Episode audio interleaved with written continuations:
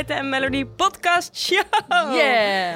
Uh, dit, wij zijn Melody Klaver en Geiten Jansen. En wij komen elke aflevering samen om alles te bespreken wat wij interessant vinden. Grappig, leuk, fascinerend. Noem het maar op. En deze aflevering staat volledig in het thema van powervrouwen. Dubbele punt. Actrices. Yes. En waarom, Klaver? Um, nou, wij gaan het vandaag hebben over powervrouwen, uh, omdat wij uh, nogal in de ban zijn van powervrouwen. Yes. Uh, dit thema is eigenlijk ontstaan omdat we onderwerpen als female filmmaking en feminisme en carrièrevrouwen wilden combineren. onderwerpen die ons nogal aan het hart gaan. Want gezien de wereld over het algemeen nog vrij patriarchaal is. Oh, well wil... damn, ja, hold on. Ja, dat is een term. Dat wil wat zeggen... dat? uh, een term uh, uh, wat wil zeggen dat mannen dominant zijn. Dat mannen oh, nog een, yep. een, dominante positie innemen in deze maatschappij. ja. maar toch zijn er door de jaren heen steeds vaker vrouwen te vinden die hun stem hebben laten gelden, acties hebben gevoerd, geschiedenis hebben geschreven of de wereld enigszins hebben verbeterd. Ja. Of in ieder geval het gedachtegoed van de wereld. Ja. Um, goed, het waren er zoveel dat Geit en ik meteen al niet konden kiezen uit al die tientallen coole en inspirerende dames en hun bazenverhalen. Dus toen bedachten we dat we dit thema maar vaker terug zullen laten keren. Ja.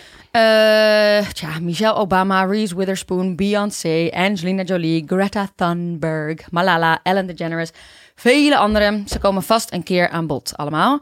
Maar de eerste twee powervrouwen van vandaag houden we nog even iets dichter bij huis.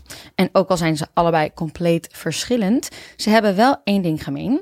Gaite zei het al. Ze zijn actrice en hebben allebei in meer dan twintig films gespeeld. Maar voordat we de namen bekend gaan maken van de twee eerste powervrouwen. Oké, okay, ik ga nu echt ophouden. um, Geiten, de ja. iPitch. De iPitch. Ja, je dacht er eventjes onderuit te komen. Oh, maar de eiwekker gaat niet. de hele aflevering. Zet jij de wekker? Ja, ik zei. Oké. Okay. Aanzetten. Oké. Okay. En go. Oké, okay, mijn iPitch tip voor vandaag is The Morning Show. Nu te zien op Apple TV. Ik volg hem wekelijks. Het is een, um, een serie met Jennifer Aniston en Reese Witherspoon over powervrouw gesproken. Ja, daar is ze weer. Die Ja. Reese. In de hoofdrollen. Um, en Steve Carell als man. en het is echt, het wordt geregisseerd door uh, meerdere mensen. Door even tellen, 1, 2, 3, 4, 5 mensen. Um, dus de regisseurs wisselen en, en het is dus op Apple TV. En het is zo'n ongelooflijk goede serie. Ik zit er helemaal in. Het is nog niet in zijn volledigheid te zien. Maar Ja. er zijn iets van zeven of acht afleveringen online. En die, de twee hoofdrolspeelsters spelen echt de sterren van de hemel. Jennifer Aniston, zoals je er nog nooit gezien hebt. Zoveel power, niet per se likable. Dus echt Rachel van Friends, eat your heart out. 'cause Oh, she's grown now. Ja. Ze is zo goed en er worden allemaal Apple en maakt zich gewoon helemaal geen zorgen over blijkbaar onderwerpen aan de kaak te stellen, want het gaat giga- het gaat over Me Too en het gaat over een morning show, dus een ochtend eh, eh, nieuwsprogramma waarin er aan het licht komt dat iemand eh, vrouwen binnen het bedrijf seks, seksueel eh, overschrijdend gedrag vertoond heeft. Oh, wat vet. Ja, is echt- niet, dat is niet vet dat dat gebeurt. Maar, Maar, hoe de ontwikkeling, het is echt zo spannend. En er, het worden, er worden zoveel dingen op tafel gegaan. Er worden zo keiharde meningen gegeven, wat ik best wel vet vind voor zo'n Ja. groot platform als Apple. Snap je? Je kan ook Ja. beginnen met een comedy of iets waar je niet zo politiek over uitspreekt. Maar zij zijn echt bam. Cool. heel je kan ook vet. mensen vol in de bek spugen. Ja, Maar wat vet. Klopt eh, helemaal bij. eh is helemaal in lijn met onze ja thema, eigenlijk wel. Leuk. Had ik nog niet eens zo over nagedacht, maar it's true. En jij? Goed, mijn iPitch. Ja, we zijn een beetje into de series vandaag. Eh, mijn iPitch is Explained. En dat is een docu-serie op Netflix met Ja. iedere aflevering een nieuw onderwerp. En ik ben helemaal verslaafd. Ik ook. Ehm, ik hou daar echt van. Ik ken deze toevallig. Ja. Het is zo chill, want ik ben best wel vaak op zoek naar gewoon vette documentaires, maar ehm, Maar geen tijd. Ja, of geen tijd, of dan net, dan, heb, dan, dan vind ik twee uur op één specifiek onderwerp net iets te langdradig of zo. Mhm. En dit zijn telkens korte en behapbare afleveringetjes van ongeveer 15 tot eh 30 minuten. Met verschillende onderwerpen zoals mode door de eeuwen heen, K-pop, monogamie, diëten en waarom ze gedoemd zijn te mislukken. De Eh, female orgasm I is er ook het vrouwelijke orgasme, eh, wiet, astrologie, echt van alles. Ehm, en het kijkt supergoed weg.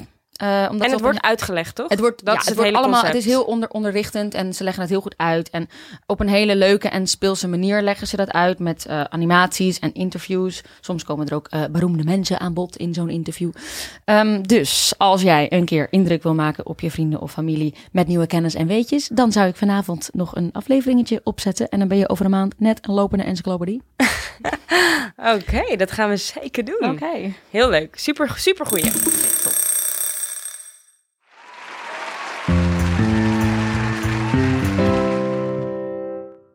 Ehm, Mel, wil, zullen we de vrouwen bekend maken die we Ja. vandaag gaan bespreken?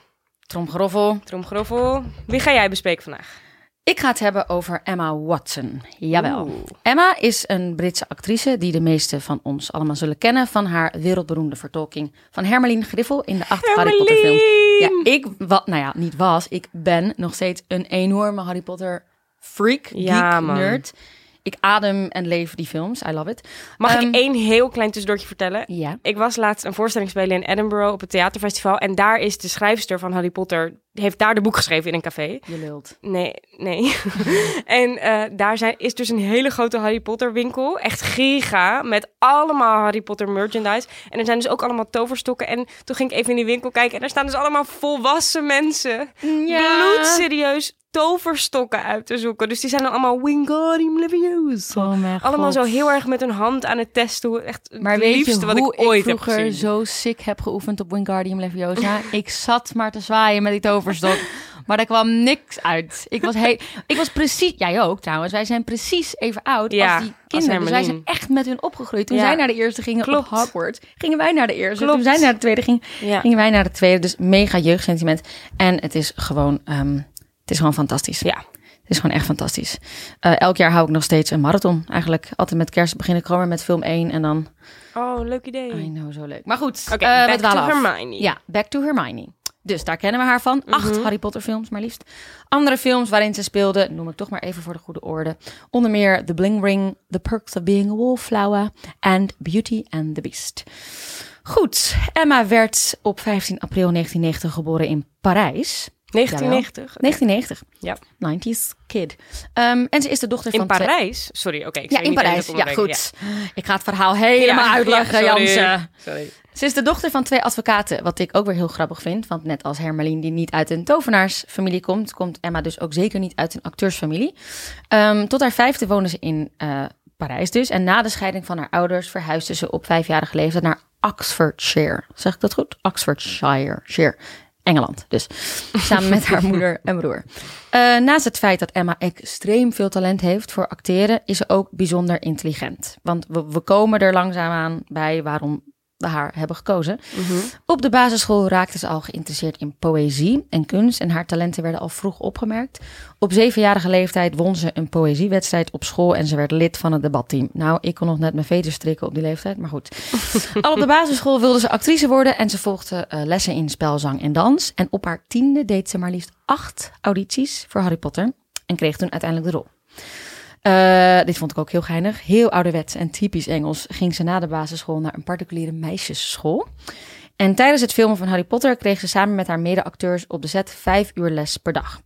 Eh, hoewel Oh ze... ja, dat is ook een, an- dat is an- een ander systeem in het buitenland als in Nederland, hè? Hoezo? Nou, als je in Nederland filmt, dan... Ik heb nog nooit meegemaakt dat je op... Want wij waren... Oké, we waren niet zo jong. Maar we, waren, zaten wel nog op de middelbare school toen we begonnen met Ja. filmen. En dat je... Wij krijgen geen les. Ik wel. Ik heb het Heb meegemaakt. jij les Ja, gekregen? ja ik Oh, heb les. sick. Ik heb wel... Dat was een- voor mij altijd een soort van The American Dream. Oh, maar ik moest gewoon mezelf bezighouden in de studieboeken. In de... Nou, ik kan me wel herinneren dat ik dan met een kinderbegeleidster in een trailertje SO's moest maken. Oh, En dan ging zij maar echt controleren dat ik niet eh, stiekem... echt eh, waar? Ja. Ah, oké. gebeurd. Ehm, Dus Emma ook. Dus Emma ook. Eh, en hoewel ze zich op het filmen concentreerde, haalde ze steengoede cijfers. En geloof het of niet, want ook hier zijn weer raakvlakken met Studiebol Hermelien. Een rol kennelijk supergoed op het lijf van Emma geschreven, want Emma zelf studeerde ook cum laude af van haar middelbare school Cum met, laude. hoor dit, tien tienen. Kap even. Tien tienen. Wauw. Deze meid had dus absoluut geen zesjes mentaliteit. Dat rijmt. Ongelooflijk als je je bedenkt dat Emma elk jaar maanden op de zet stond en dat tien jaar lang. Terwijl ze daarnaast dus ook nog keiharde resultaten behaalde in haar studie. Want na haar middelbare school is Emma zeker niet gestopt met leren en fulltime actrice uh, gaan worden. Nee, nee, nee, nee. Deze dame is gaan studeren op de prestigieuze Brown University in de Verenigde Staten. En daar leefde ze net als iedere andere normale twintiger een heus studentenleven, waar ze naar eigen zeggen als gelijke werd gezien en niet werd behandeld als filmster. Ze had de tijd van haar leven, zat met haar neus in de boeken en werd dronken op huisfeestjes. Tenminste, dat hoop ik voor haar, dat verzin ik nu totaal. En ze haalde in 2014 haar bachelor Engelse literatuur aan deze University Brown. Na de gigantische successen en dus financiële successen van de Harry Potter films, die Emma dus eigenlijk letterlijk in haar tienjarige schoot geworpen kreeg, heeft ze toegegeven zelf nooit meer te hoeven werken voor geld. Maar ze heeft ook gezegd niet van school af te willen gaan, uh, omdat ze um, door school in contact blijft met de realiteit. Slimme meid. Ja. Als je je dan bedenkt dat haar dagen helemaal vol zitten tot een nok en ze in die paar zeldzame vrije uurtjes lang uit op de bank ligt om uit te rusten, dan heb je het mis. Want deze bezige bij doet daarnaast nog fanatiek aan dansen, zingen, hockey, tennis, schilderen en vliegvissen. Doe even normaal.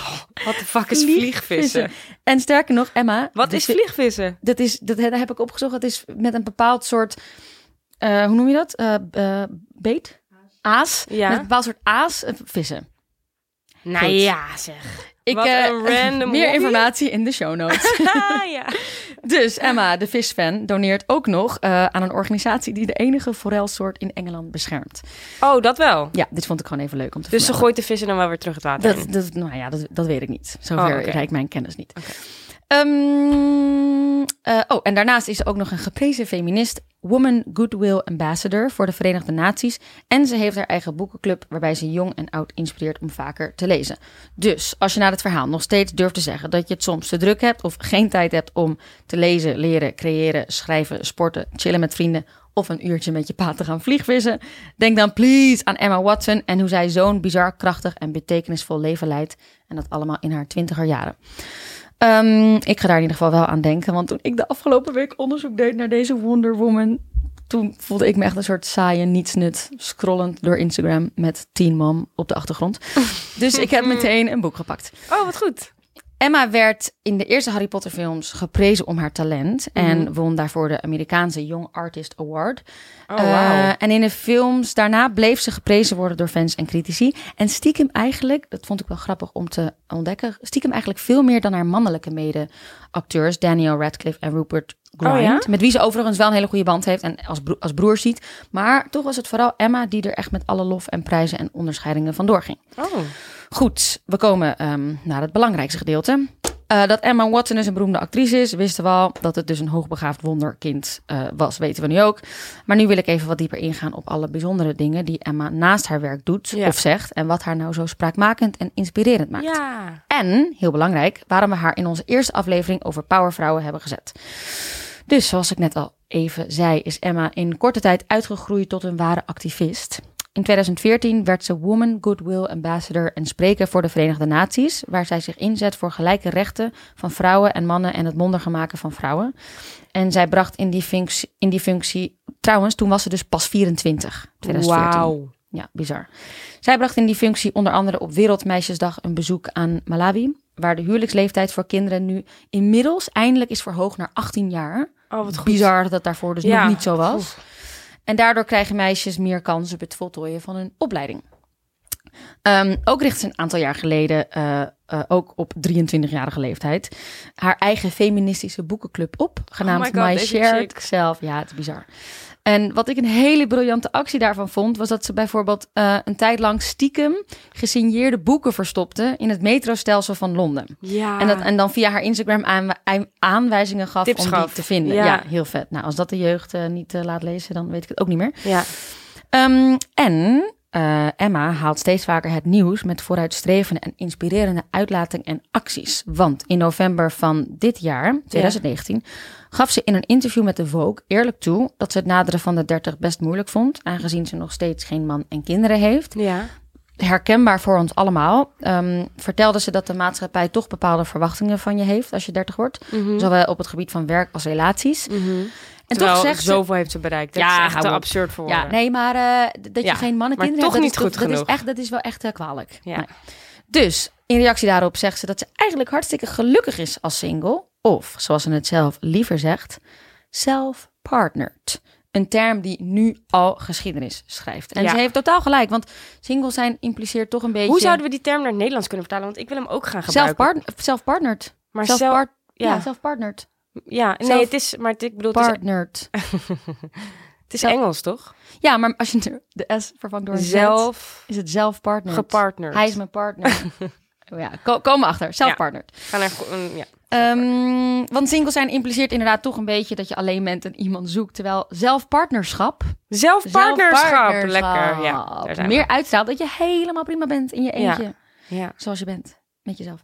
Dus, Emma, je bent onze absolute spirit animal. ja. Ga zo door. Niet normaal. Is die bij de Verenigde Naties is dat ook waar ze... Ik weet nog dat ik een keer een speech van haar zag op YouTube. Ja, Dat, dat, ja, want ze is daar ook spreker. en dus daar was ze dus ook hartstikke jong. Dat ze echt voor een gigantische zaal mensen... niet normaal. Ja, dat is dat.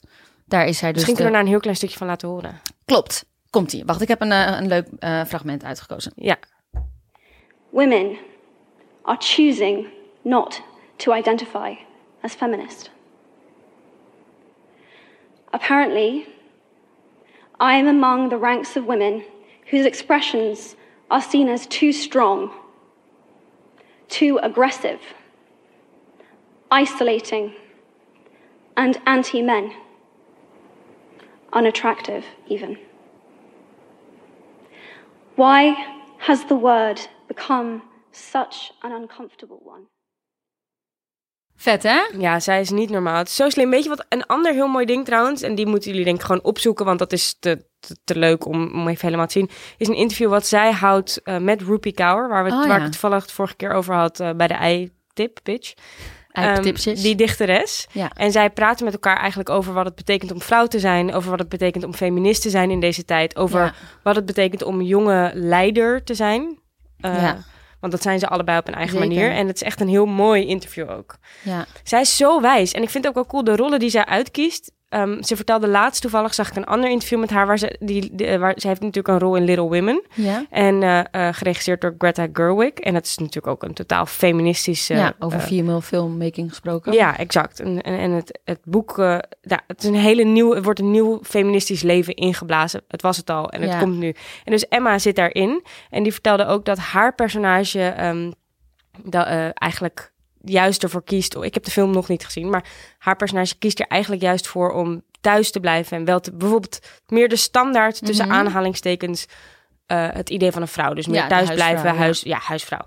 En dan zei ze ook van ja, maar ik, voor, ik, voor mijn gevoel, weet je, ben ik de grootste feminist. Want het gaat erom dat iemand mag, een vrouw mag kiezen. Ja, dat is wat voor mij feminisme definieert, zegt zij dan.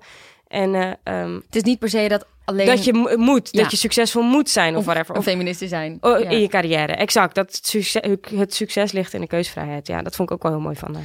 En ik vind het ook vet dat het gewoon een stoere chick is. Kijk, het is Ja. niet meteen oh, een soort van boze feminist. Van, ah, ik Nee, haat nee, of, helemaal of een niet. soort van suf geitenwolle sokken.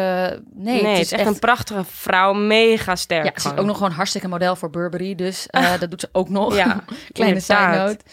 Eh, en ze is exact even oud als wij. Oké, hebben we veel van te leren. Goed, dan eh, zal ik overgaan naar Emma, eh, please be my friend. Ja. Emma Callis. Emma, hallo. Emma, Emma. Eh, zal ik overgaan naar de volgende powervrouw van Ja. vandaag? Dat is een vrouw die konden we gewoon echt niet uit deze aflevering laten. Tromgeroffel. Omdat ze de koningin is van leiderschap, van alles wat maar met power te maken heeft. Namelijk Oprah Winfrey. Ah, the queen of everything. Eh, en in de eerste plaats denk je waarschijnlijk... Oprah is toch geen actrice, maar die is talkshow host. Maar dat is dus Is ze ook, ja. ja, is ze ook. Maar het, is- Oprah is zoveel dingen. Ze is ook actrice. Ze schittert, schittert in meer dan 15 films en series. En Ze ik- maakt haar eigen films. Ja, ja. Echt eindeloos. Kom ik zo allemaal op terug. Eh, bekende titels van films waar ze in gespeeld heeft als acteur zijn The Color Purple. Ja, heel waar bekend. ze, heel bekend, waar ze een Oscar-nominatie voor kreeg. Bizar, hè?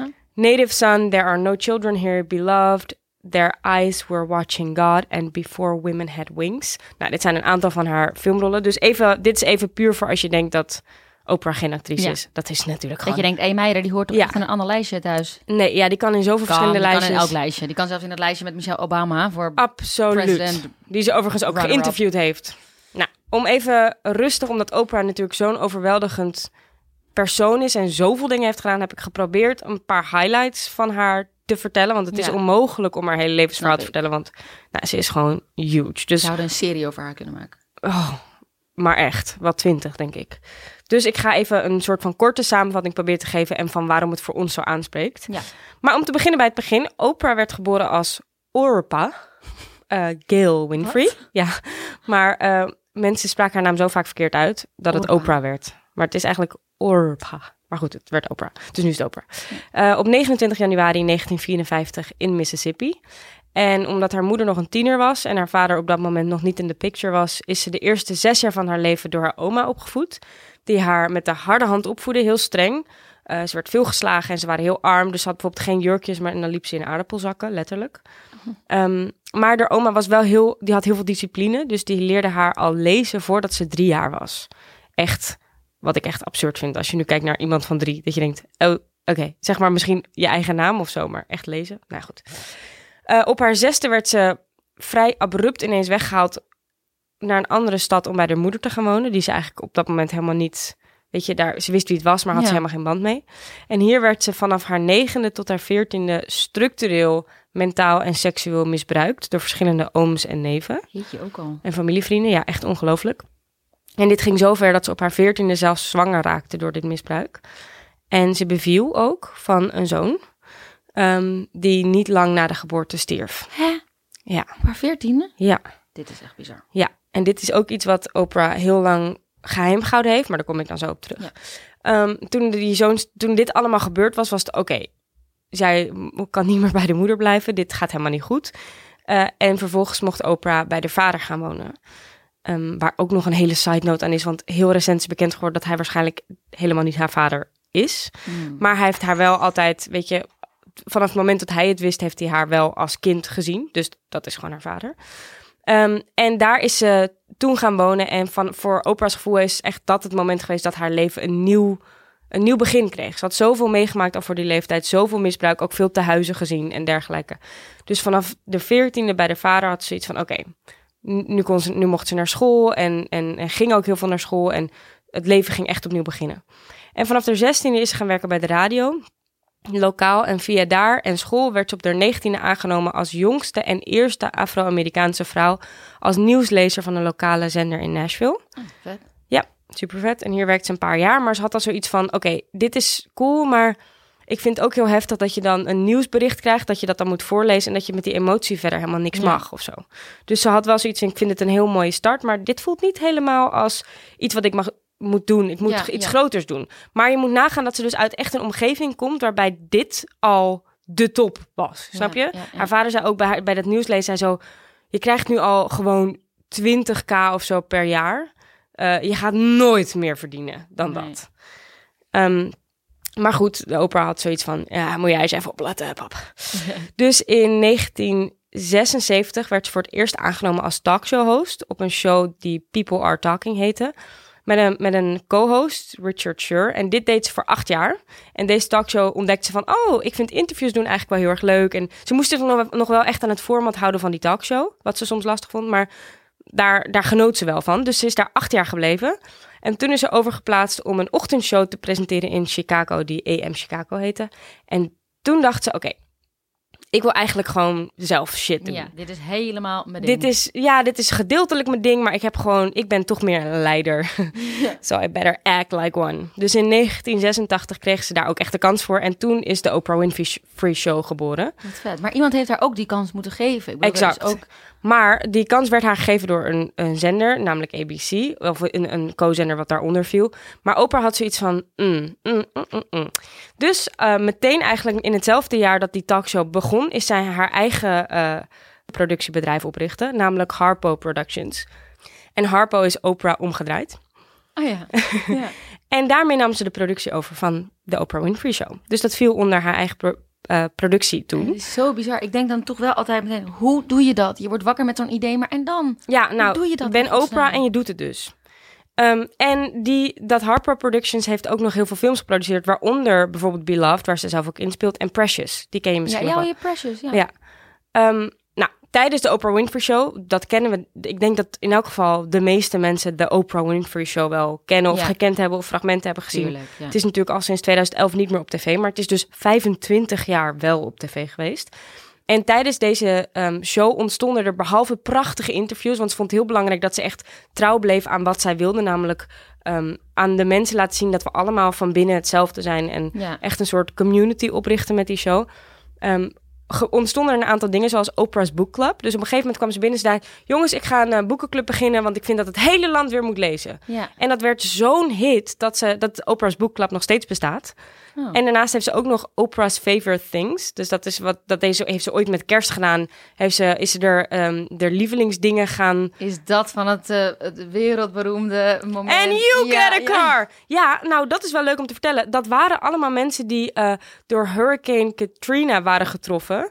En zo is die eerste grote actie van haar begonnen. Dat zij, you all get some of Oprah's favorite things. En dat werd zo'n hit dat daar Ja. weer... Jammer, want altijd aan dat fragmentje hangt toch een soort van show-achtig, kapitalistisch-achtig. Ja, maar als je eh, dus weet dat die mensen in nood zaten, is, Ja, kijk je alweer heel anders ernaar. Het is heel vet. Maar, Maar inderdaad, dat heeft ze ook, hoor. Dat- ja. is misschien wel de eerste echte influencer.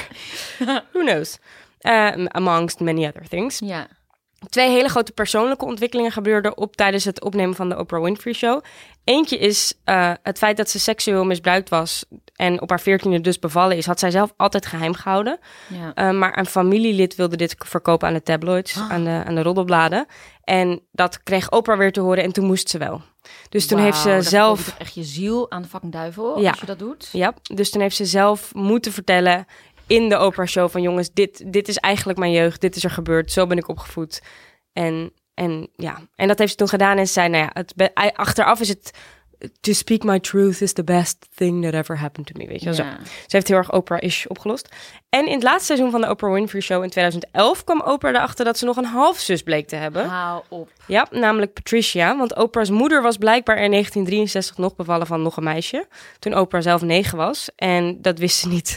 En die Patricia die is dus in allerlei weeshuizen opge- opgegroeid. En die is op latere leeftijd op zoek gegaan naar wat haar familie was. Nou moet je je even de fuck voorstellen dat je Ja. er dus achter komt dat Oprah fucking Winfrey je halfzus is. En daar is dus achter gekomen. En die zus is heel, eh, echt helemaal niet Dromen komen uit, ja, echt jongen. Maar die is, die is eigenlijk onwijs lief, want die heeft, is daarachter gekomen. Maar die dacht, nou, ik ga die vrouw daar niet zomaar mee lastigvallen. Dus die heeft eerst bij een nichtje getest of het DNA wel matcht. En het matchte. En toen pas is ze naar Oprah gekomen. Ja, want ik durf te En- dat Oprah wel vaker brieven in de Exact, waarschijnlijk. Van, gevonden. ik ben je dochter. zus. Ja, ja, ja. ja, ja. Ehm, de dochter van mijn portemonnee waarschijnlijk. ja. Nee. Ja.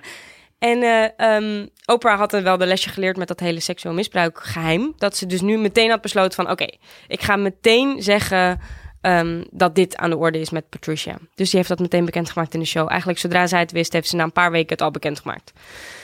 Maar goed, even terug naar haar als powervrouw. Want in de tussentijd van alles wat ze al had opgericht... de productiemaatschappij, de boekenclub, Oprah's Favorite Things... had ze ook nog allerlei andere charity events. En in 1999 richtte ze ook nog eventjes eh, Oxygen Media op. Een netwerk waarin ze ehm, op vooral online eh, programma's uitzond voor vrouwen. Mhm. Speciaal voor vrouwen. Eh, en in 2000, 2000 startte ze haar eigen magazine, namelijk O-Magazine. De Oprah Magazine. Ehm, en toen Oprah Winfrey na 25 jaar besloot dat het klaar was met de Oprah Winfrey Show, besloot ze dat het nog niet klaar was met haar carrière. Ik bedoel, het is een biljonair, hè? even voor the record. Nee, ze heeft haar eigen netwerk opgericht, namelijk OWN. Oprah Winfrey Network. Waar ze echt gigantisch veel films, gigantisch veel series, podcasts, YouTube-channels, allemaal geproduceerd via OWN. Ja. Ehm, ja, want even als ik tussendoor even iets mag zeggen. mhm. Ik ben ook fervent fan van eh, Super Soul Conversations. Ik ook. Dat is haar dat is haar podcast. Ja, en dat is dus via het Own Network produceerd. Ah, ja. Het is echt een fantastische podcast. Als je dat nog niet kent, gaat zeker luisteren. Waar ze inderdaad ellenlange interviews doet met de meest, nou, de meest inspirerende mensen op Ja, aarde. Want, het is ingang dus die kan ze krijgen. Spiritualisme Ja. en eh, Ja, nou ja, dat er, dat er, dat er meer, dat er, that there's more to life than just this. Zo Ja, ze dat precies. een beetje. Heel Precies. interessant. echt super, echt prachtig. En die interviews gaan van mensen als Julia Roberts tot en met Paulo Coelho, die de Alchemist Ja. heeft geschreven. Dus inderdaad veel meer op het spirituele. Pak, Ja. De ja, Dalai Lama. die pak, ja, ja, ze kan iedereen krijgen. Het is Oprah. Ja. Nou goed, in 2015 kondigde ze aan dat Harpo Productions zou stoppen en dat alles wat ze daarmee produceerde onder own zou gaan vallen. Dus dat is nu haar, echt haar bedrijf, bedrijf. Imperium. Ze heeft meer dan 40 films eh, eh, en televisieseries geproduceerd. Het is echt zo bizar. Ondertussen blijft ze ook zelf nog acteren in bijvoorbeeld series als Greenleaves, die ze natuurlijk ook zelf produceert via OWN. Ehm, volgens Forbes magazine, wat een soort ja, eh, Forbes magazine. Smiling next to Oprah en de Queen. Dit knippen Ja. we eruit.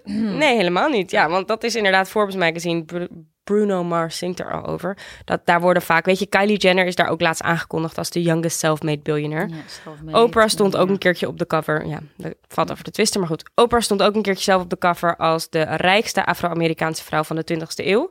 En de enige zwarte vrouwelijke biljonair voor drie jaar op rij. Wauw.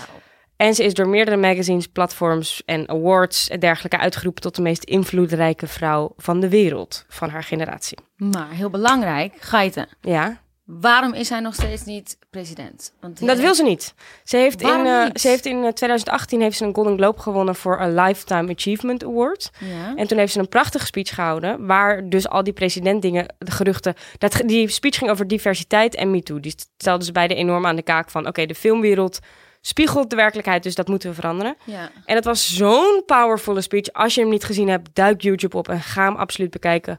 Oprah Winfrey, Golden Globes. Ehm, eh, dat is, daar, ze, ze- toen zei ze van, oké, het is aangewakkerd en ik, I'm asking my God ja. to tell me if this is my path, but it's not. Ze wil het niet. Ze heeft gezegd, ik ben er niet. Ik ben hier, ik ben een filantroop. Eh, dus iemand die eh, goed wil doen voor andere mensen. Niet Ja. alleen qua gevoel, maar ook qua bedragen en geld en acties. Waar ik zo nog even op terug zal komen, want dat is namelijk wat haar ook nog zo'n powervrouw maakt. Ehm, dus ik, president worden ligt niet in de lijn der verwachtingen op dit moment. Erg jammer. Ja, maar waarom ik er dus ook nog zo vet vind, is omdat ze miljoenen en miljoenen heeft besteed aan verschillende goede doelen. Ze heeft een, eh, nou ja, ze heeft verschillende dingen opgericht, zoals Oprah's Angel Network, waarmee ze meer dan 50 miljoen ophaalde voor onder andere slachtoffers van Hurricane Katrina en voor scholing voor meisjes in Zuid-Afrika en kinderen die seksueel misbruikt zijn. Ze richten meerdere goede doeleninstanties op, zoals de Oprah Winfrey Foundation en de Oprah Winfrey Leadership Academy. Je hoort Oprah ook wel eens praten over haar dochters. Ze heeft geen kinderen, of ja, die ene zoon dus, maar die is dood. En verder heeft ze geen kinderen eh, gebaard. Maar zij heeft heel erg het gevoel dat alle meisjes die studeren aan de Oprah Winfrey Leadership Academy in Zuid-Afrika, dat dat haar dochters zijn. Dat Ja. dat, ze heeft daar heel erg een, een dochterlijk gevoel bij, of een moederlijk gevoel bij. En eh, ze begeleidt die meisjes echt naar een, een betere toekomst. Ja, En, het, en het, het is ook wel vet, want het heet Leadership Academy. Dus ze is ook wel echt een world leader wat dat betreft. Eh, ze kreeg onder andere van de president Obama toen nog in 2013 een medaille voor de vrede. Zo, doe maar. Steek die maar in je zak. Ja, echt niet normaal. En ik laat dus, nou, ik laat nog zoveel dingen weg. Dus heel even opgezomd. Oprah Winfrey is actrice, producent, talkshow-host, heeft een eigen netwerk waarmee ze mega veel dingen uitgeeft en produceert. Zoals bekende, nou ja, je noemde het al even, Super Soul Sunday, podcast, whatever, magazine. Allemaal via OWN. Ja. Ze heeft een eigen school. Ze zorgt voor diversiteit, diversiteit in de filmwereld. Ze helpt anderen met whatever ze nodig hebben, basically. Ze stelt Ja. alles aan de kaak wat ze wil. She's basically the queen of the world. En wat ik nog wel mooi vond om voor haar een soort van mee te eindigen voordat wij het erover gaan hebben, is dat in een interview werd aan haar gevraagd van hoe, hoe kan het nou dat je, weet je, zo goed de leiding neemt? Hoe, Ja. wat, hoe doe je dat nou als vrouw? Want waarschijnlijk ben je de enige zwarte vrouw in meeste ruimtes. Waarschijnlijk ben je de enige vrouw in meeste ruimtes. Ja. Zeg maar, er zijn zoveel dingen die in haar geval nog meespelen. Waarbij ze al 10-0 achter staat. Ja. Waarbij ze, zou je denken, al tien uur achter staat. En toen zei ze alleen maar, dan moest ze heel hard lachen in het interview. Zei ze alleen maar, I love it. En Ja. vervolgens zei ze, eh, refereerde ze aan een quote van een gedicht van Maya Angelou. Ook very Oprah. I come as one, but I stand as a thousand. Wauw. En daarmee refereerde ze aan dat zij weet dat ze niet eh, geboren is in er eentje, uit er eentje. Dat ze weet dat ze allemaal voorouders heeft die achter staan. En dat zij sowieso al spreekt voor een generaties lang. Maar en dat zij de kans heeft gekregen. Ze is eh, mega spiritueel. Ja. Zij heeft de kans gekregen om, om, om zeg maar de leider te zijn voor alle mensen voor haar die die kans niet hadden. Oh, she's the queen. Heel cool. Niet normaal. Eh, we zullen in de show notes heel veel eh, tips ook ehm, eh, eh, neerzetten ehm, met boeken over Oprah. Ja, oh ja, dat is wel een biografieën. hele zijn hele vette biografieën. Omdat, nou ja, Gaite kan, eh, die kan door blijven praten over Oprah. Maar het is in ieder geval zo eh, eh, inspirationeel. En ook over Emma. En Ja, als en je alleen ik al ben, die verhalen leest wel- over die chicks, dan... ah, je wilt ook gewoon het leven bij de... Ja, exact. Want daar was ik nog wel benieuwd naar hoe dit bij jou gegaan was. Want toen ik op zoek ging naar Oprah en toen we het erover hadden en, en alle voorwerk die we hebben gedaan voor deze aflevering. Je gaat ook heel erg nadenken over je eigen leven. En Ja. ik was super benieuwd of je wat jouw plannen, of jij plannen hebt ontwikkeld in je hoofd. Of snap Ja. je wat ik bedoel? Hoe je het voor je ziet. Zeker. Nou, wat ik net al zei, ook toen ik dat inderdaad van Emma zo opzocht, dat ik ook dacht van, hè, hoe dan? En nu vroeg ik het ook weer aan jou, hoe dan? Ik bedoel, ik heb zelf heel vaak een idee gehad in mijn hoofd en ook heel vaak met dingetjes begonnen. Ja, Maar best wel veel daarvan is dan toch uit, ja, eh, doodgebloed. Of dat is, dat, daar ben ik toch mee gestopt. Of dat kreeg gewoon net niet echt ja. eh, eh, genoeg vaart. Waardoor, ja, En als je dit dan leest, heb je dan het gevoel van yes, I can. absoluut, absoluut. Maar ook wel dat ik het, het is enerzijds heel bemoedigend, maar ook weer ontmoedigend. Omdat Ja? ik ook, ik vind het, nou, ontmoedigend in de zin, het is zo overweldigend dat ik denk, oh ja, dus ik zou dit in principe ook allemaal kunnen doen. Maar hoe? Dat bedoel ik met Ja. ontmoedigend, maar dan met een positieve lading daaraan. Ja, dus ja, dat ik precies. denk, oh mijn god, inderdaad, je kan dus alles doen, maar ik, hoe? Ik zou Waar niet weten begin je? hoe. Waar begin je? Ja, Ehm, nu ben ik op zich wel blij, maar ik denk ook vanuit ons, ons vak en uit, vanuit onze opleiding zijn we al best wel. We hebben de toneelschool gedaan, zijn we al best wel opgeleid eh, als maker. Dus Mhm. er is ons al heel erg geleerd hoe we eh, creatief dingen moeten maken, hoe we moeten schrijven, hoe we moeten ontwikkelen. ja. Dus dat zit wel enigszins in ons, maar dan alsnog, als ik dit zo hoor, denk ik, wauw, ik zou het zo graag willen. Ik zou ook zo graag. En zou jij ook gedurende je leven meer voor je platform willen ge- gebruiken om de wereld te verbeteren? of dat niet? Absoluut, jawel. Wat, Wel. Dat, dat, dat wilde ik net zeggen. Dat ik wil juist heel graag ook zo'n stempel op de wereld kunnen drukken. Alleen denk ik dat je daar in eerste instantie wel veel invloed en bekendheid voor nodig hebt. En dat hadden deze vrouwen natuurlijk al. Ja. En ik vind het heel mooi dat ze dat hebben ingezet voor de wereld dus. En ik zou heel graag ook op een gegeven moment ambassadeur willen worden van een goed doel. Bijvoorbeeld, Ja. dat ben ik nog niet. Ehm, en ik wil, ik wacht echt tot ik echt de juiste heb gevonden waarvan ik echt denk, ja, daar Dit wil is ik een echt, eh, daar zou ik in Ja. principe 365 dagen mezelf totaal eh, eh, belangeloos voor in willen zetten. Ja. Ehm, dus dat zou ik heel, heel graag willen. Ik heb Ja. heel veel ideeën ook, maar die kan ik alleen waarmaken als ik gewoon ehm, ja, een soort stichting opzet of, Ja. of iets. Nou En jij? het ja ik, ik, had het, ik had niet zozeer... Het, ik snap helemaal wat je bedoelt. Het ontmoedigende gedeelte snap ik. Maar ik had het tegenovergestelde gevoel in mijn buik of zo. Ik las het en ik dacht echt... Oh my god, zeg maar, ik weet niet. Ik kreeg juist het omgekeerde gevoel bijna zo. Die, ik had de hele tijd soort van... Maar het kan ook zijn omdat ik Oprah opzocht. En weet je hoe zij praat. Ik heb natuurlijk honderden interviews met haar gezien. Haar manier van spreken. Het is zo erg Obama-achtig. Het is zo Ja. erg yes, we can. Dat ik helemaal een soort van... Oh my god, yes, I can. Of zo. Dus ik, had, ik heb wel weer een soort van frisse moed. Want ik had hetzelfde gevoel eigenlijk voordat ik erover las. Dat ik, dat ik, dat ik herken het gevoel van... Oké, je wil van alles, maar hoe begin je? Ja, Eh, en dat ik nu weer echt frisse moed heb van... Oké, ik ga eens een lijstje maken met wat ik precies wil. En het dan gewoon doen. klopt. En, en wat natuurlijk wel helpt, is dat eh, ik gelukkig mijn match heb gevonden met een goede doelenstichting. ja. Wel leuk om meteen eventjes te noemen. Ik ben ambassadeur van Happy Caravan. ja. Wat een stichting is die, eh, een, ja, die, ehm, die scholing organiseert voor kinderen in vluchtelingenkampen in Ja. Griekenland. Want er zijn op Lesbos bijvoorbeeld zijn er heel veel zijn er kampen en er zijn ook heel veel eh goede doelenorganisaties aan het werk. Dus dat is hartstikke fijn. Die is, dit is relatief gecoverd voor de noodsituatie die daar is. Maar in de rest van Griekenland, en niet alleen Griekenland hoor, over de hele wereld, maar bijvoorbeeld Griekenland zijn ook kampen met vluchtelingen die, waar niks te doen is. Nee. Gewoon niks. En ze mogen ook niks. De regels zijn onwijs streng. En in die kampen gaat Happy Caravan te werk. En het doel is dat door educatie eh, de kinderen zo min mogelijk achterlopen als ze uiteindelijk wel een plaatsing krijgen in een land waar ze mogen, vast mogen verblijven. En naast, naast educatie is het ook een veilige plek. En het is ook een plek waar je echt leert met elkaar om te gaan. En dat het leven ook gewoon leuk is, snap je? Dat Ja. dat ook nog bestaat. Zeker. Dat het ook dingen veilig zijn en dat je spelletjes mag doen. En dat je theater leert kennen. Er wordt elke week een film gekeken. Wat Ze goed. willen de kids ook echt in aanraking houden met dromen en dergelijke. Dus daar ga ik eh, af en toe als vrijwilliger naartoe en kan ik me af en toe voor inzetten wat wel heel goed voelt. Mhm, ja. Dus als iemand eh, geïnteresseerd is in Happy Caravan, zou ik je ook absoluut, nu we het toch over power hebben, ja, aanraden om even op de website ga te even kijken. naar de Instagram van Powervrouw Geite Jansen. En daar staat de link in jouw bio, als ik het goed eh, voor Klopt. de geest kan halen. Ehm, ja, maar je hebt helemaal Maar ja, naast dat nog honderd andere dingen hoor, want laten we wel Oprah worden over twintig jaar. top. En, en ik, ik vind ook sowieso als, als, als algemene tip het lezen van biografieën van vrouwen of mensen aan zich. Ja, bedoel, die je vet vindt en die iets ja, bereikt hebben, dat is zo echt inspirerend. heel erg om gewoon vette dingen te doen Ja. met je leven. En dus dat is sowieso wel een, een, een globale eh, tip. Maar wat ik er nog even bij wil zeggen over dat. ehm, niet per se dat ontmoedigende gedeelte, maar een beetje. Het is af en toe ook wel fijn als zo iemand dus kan toegeven van... Ja, dat het niet alleen maar makkelijk zit, was. Ja, ik zit soms ook gewoon op de bank met een zak chips, eh Ja, romantisch het niet te kijken. weten. Dat je denkt, oké, gelukkig. Dus ze zijn ook nog wel een beetje menselijk. Ja, Of absoluut. dat ze inderdaad eh, zeggen van ja, oké, eh, er zijn die tien stichtingen die je kent. Ik heb er honderd proberen op te zetten. Ja, exact. En Dus tien dat- zijn gebleven. ja, en dat leer je, dat, ja, dat, dat, daar kom je achter als je echt zo'n biografie eh, klopt.